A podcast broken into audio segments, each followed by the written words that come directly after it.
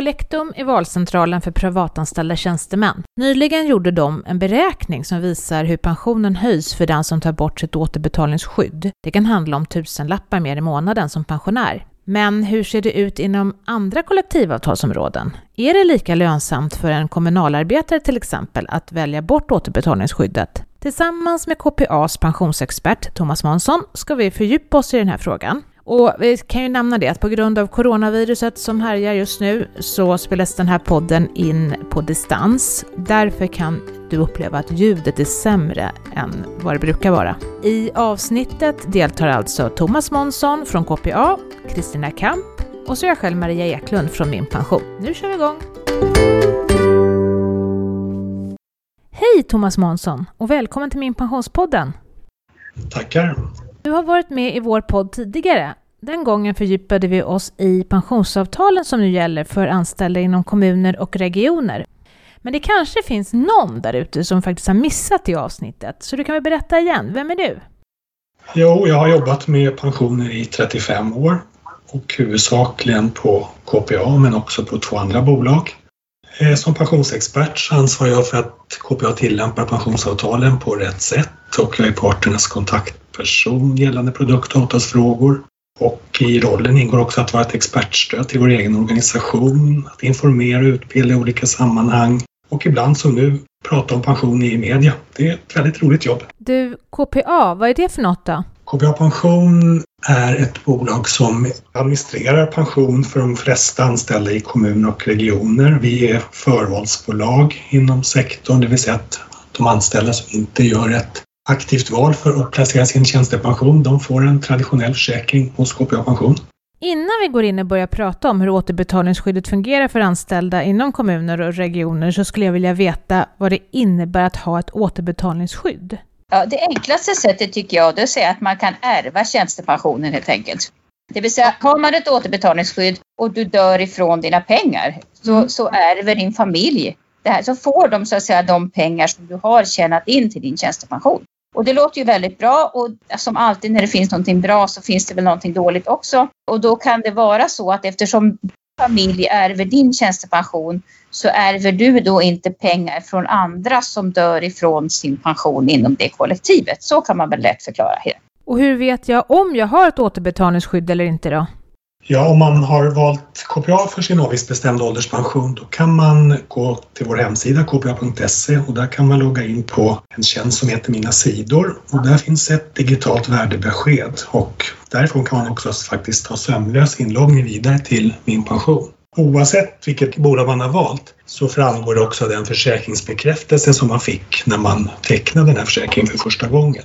Och oavsett bolag också så får man ett årligt värdebesked och där kan det ju framgå om man har återbetalningsskydd eller inte. Och hittar man inte värdebesked så då kan man ju förstås logga in på det bolag man har, deras hemsida. Och kan man inte det så kan man säkert ringa till respektive bolags kundservice och fråga. Kan man se om man har återbetalningsskydd på min pension?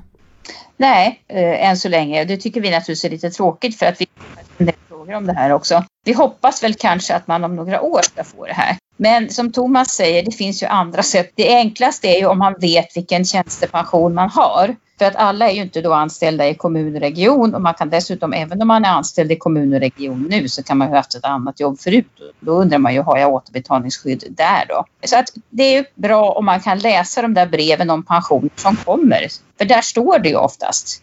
Och det är alltså inte orange kuvertet vi pratar om, utan det är andra brev typ från Collectum eller SPV eller Fora som det heter då om man inte har sin pension hos KPA. I början av 2020 kunde vi läsa att Collectum, det är alltså valcentralen för privatanställda tjänstemän kanske vi ska tillägga, de hade räknat på återbetalningsskyddets påverkan på den slutliga pensionen och de hade kommit fram till att man kunde få flera tusenlappar mer i pension om man tog bort det. Och nu undrar jag, ser det likadant ut för anställda inom kommuner och regioner? Man kan väl säga så här att det är ju svårt att säga någon form av generellt belopp eftersom det beror på så många olika faktorer. Men eh, absolut, det skulle kunna röra sig om så pass mycket pengar som Collectum har räknat fram. Det är som sagt det är väldigt individuellt beroende på hur länge man har jobbat inom sektorn, vad man har haft för lön och så vidare. Så det är väldigt svårt att säga något generellt. Eh, men får ni mycket frågor om det här? Jag tror inte att vi får så jättemycket för. Jag vet faktiskt inte, för jag jobbar ju inte, pratar inte speciellt ofta med individkunder, så tyvärr. Ja, okej. Okay. Men du, jag tänker i tjänstepensionsavtal för privat sektor, där är ju återbetalningsskyddet något man väljer till. Men hos er så är det tvärtom. Man måste aktivt välja bort det. Och eftersom det är få som gör aktiva val inom pensioner då, så borde det ju innebära att det är ganska många inom kommuner och regioner som har sitt återbetalningsskydd kvar, tänker jag. Blir inte arvsvinsten lägre då? Ja, och jag tänker så här då att det är ju riktigt att det inte blir så mycket pengar från arvsvinst eftersom det är så många som har återbetalningsskydd. Men å andra sidan så är det ju då inte heller så, så många som ska ha arvsvinster. Så att jag tänker att i ett kollektiv där många har försäkringar utan återbetalningsskydd så blir det mer pengar i form av arvsvinster men då ska också arvsvinsterna också fördelas på, på många. Så att det borde bli ett nollsummespel egentligen. Aha, vad bra. Ja. Men då kan man säga att det är ganska viktigt att titta på det här. Ja, det tycker jag absolut. Man ska alltid utifrån sina egna, sin egen situation försöka avgöra om man ska ha ett återbetalningsskydd eller inte. Om jag skulle vilja välja bort det här återbetalningsskyddet, hur gör jag då? då? Om jag till exempel har min pension hos KPA? Ja, precis. Om man är kund hos KPA då kan man ta bort det genom att man loggar in på mina sidor och så. Med en tjänst som finns på kpa.se. Och om man har ett annat bolag så kan man säkert logga in där också och då kan man ju se om man kan ta bort återbetalningsskyddet eller inte där. Och i annat fall så kan man kontakta deras kundservice. Om man vill höja sin pension då, hur mycket kan det handla om för de som väljer att ta bort återbetalningsskyddet inom ert avtalsområde? Mm. Det var egentligen som jag sa tidigare att det är svårt att säga ett, ett belopp i kronor eftersom det beror på så många olika faktorer. Som jag nämnde, hur länge man har jobbat inom avtalsområdet, hur mycket pension man har tjänat in, vilken ålder man går i pension och vilken utbetalningstid man väljer sen. Men man kan säga så här att vi har gjort lite beräkningar och det visar ju då att om man börjar jobba inom avtalsområde vid 30 års ålder och väljer att inte ha ett återbetalningsskydd. En sån person då kommer att ha ett pensionskapital vid 65 som är knappt 4% högre jämfört med den som har haft återbetalningsskydd under samma tid. Och väljer man att istället gå i pension vid 67 så har man ungefär ett kapital som är knappt 5% högre istället. Sen tänker jag så här också att eftersom LAS-åldern nu har höjts till 68 och kommer att höjas till 69, då kan man också anta att pensionsutbetalningarna i framtiden kommer att starta i en högre ålder och det kommer det innebära att de här skillnaderna kommer bli större. Så att man kan säga så här att det är inte så jättestor skillnad i procent på kapitalet om man tittar på vad som har samlats vid 65.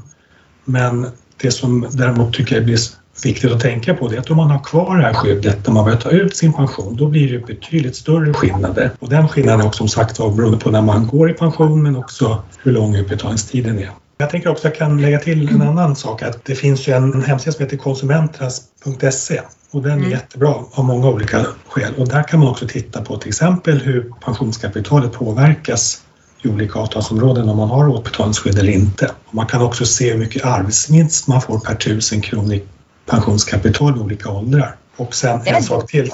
Ja, och en sak till som är väldigt bra tycker jag också inom vårt avtalsområde här, kommun och regionområdet, det är att parterna har beslutat att om man fyller 60 år, på det årets värdebesked, då ska man få uppgift om hur den livsvariga pensionen påverkas om man har, behåller återbetalningsskyddet eller tar bort det och vilka som är möjliga förmånstagare. Så det är väldigt bra, för då får man ju en, verkligen en, en signal om att man kan ta ställning till det där då det får väldigt stor betydelse framåt under pensionstiden. Men det är ju jättebra. När införs det sa du? Det är redan infört.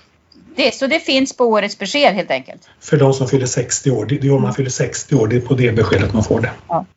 Det är ju jättebra ju och jättebra också att du lyfter konsumenternas. Deras sida är kanonbra. Gå in där och kolla allihopa.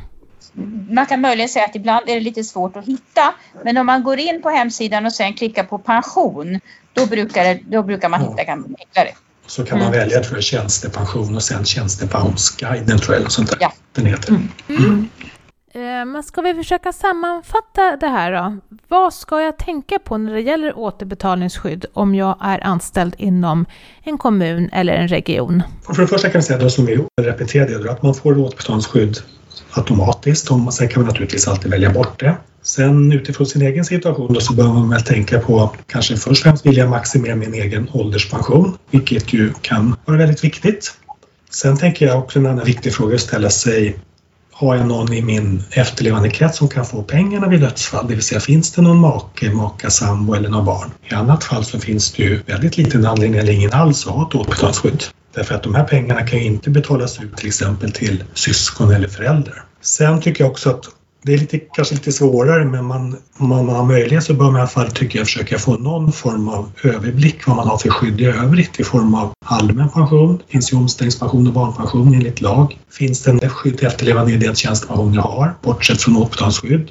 Har jag en gruppförsäkring, nästan alla på arbetsmarknaden, alla i alla fall det alla som har kollektivavtal har ju en tjänstegrupplivförsäkring. Finns det bolåneskydd? Ja, det finns ju många olika andra försäkringar och skydd som man kan som jag skulle behöva kartlägga egentligen för att se hur, hur ekonomin skulle påverkas för efterlevande vid dödsfall. Sen tänker jag också att man kanske ska fundera på att det där återbetalningsskyddet kan ju ge någon form av falsk trygghet. Det låter ju bra och det är ju bra i många fall, så inte för den skull, men jag tänker att om man är ganska ung och har kanske precis bildat familj och man har kanske höga boendekostnader då är ett återbetalningsskydd är inte så väldigt mycket värt när jag är ung egentligen. Det är klart att det är alltid värt någonting men, men det kanske inte är det som är, den, som det, är liksom det som löser de behov som efterlevande kan ha. Så att man bör kontrollera hur mycket liksom får familjen då vid, vid dödsfall utifrån det återbetalningsskydd jag har just nu. Och sen framförallt när jag ska gå i pension. Det är då liksom den stora skillnaden kan uppstå. Då bör jag verkligen ta reda på hur mycket blir det om jag behåller återbetalningsskyddet? Hur mycket får jag pension om jag tar bort det? Jag tänkte fråga en sak först. Om det nu är så att jag är ung och så har jag inga anförvanter och sådana som kan få mina pengar och så tar jag bort mitt återbetalningsskydd. Mm. Men sen om jag då liksom skaffar mig en partner och barn och sånt där fast jag är lite äldre. Är det svårt att lägga till återbetalningsskyddet då?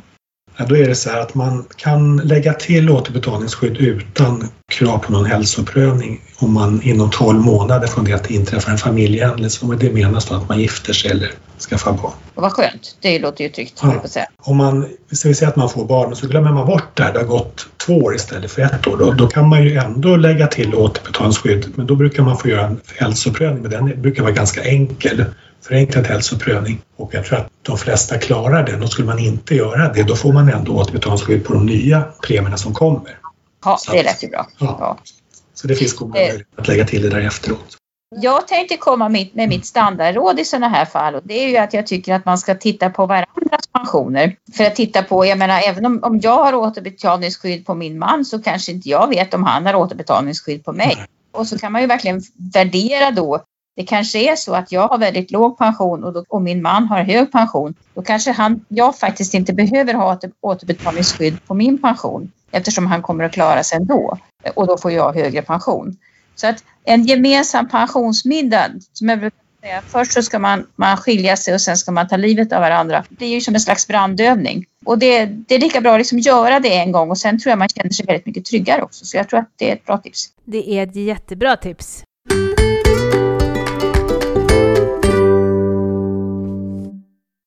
Ja, och så har det blivit dags för dagens fråga och den kommer från en person som har börjat fundera på att gå i pension. Och nu undrar den här personen var brytpunkten för högre skatt går.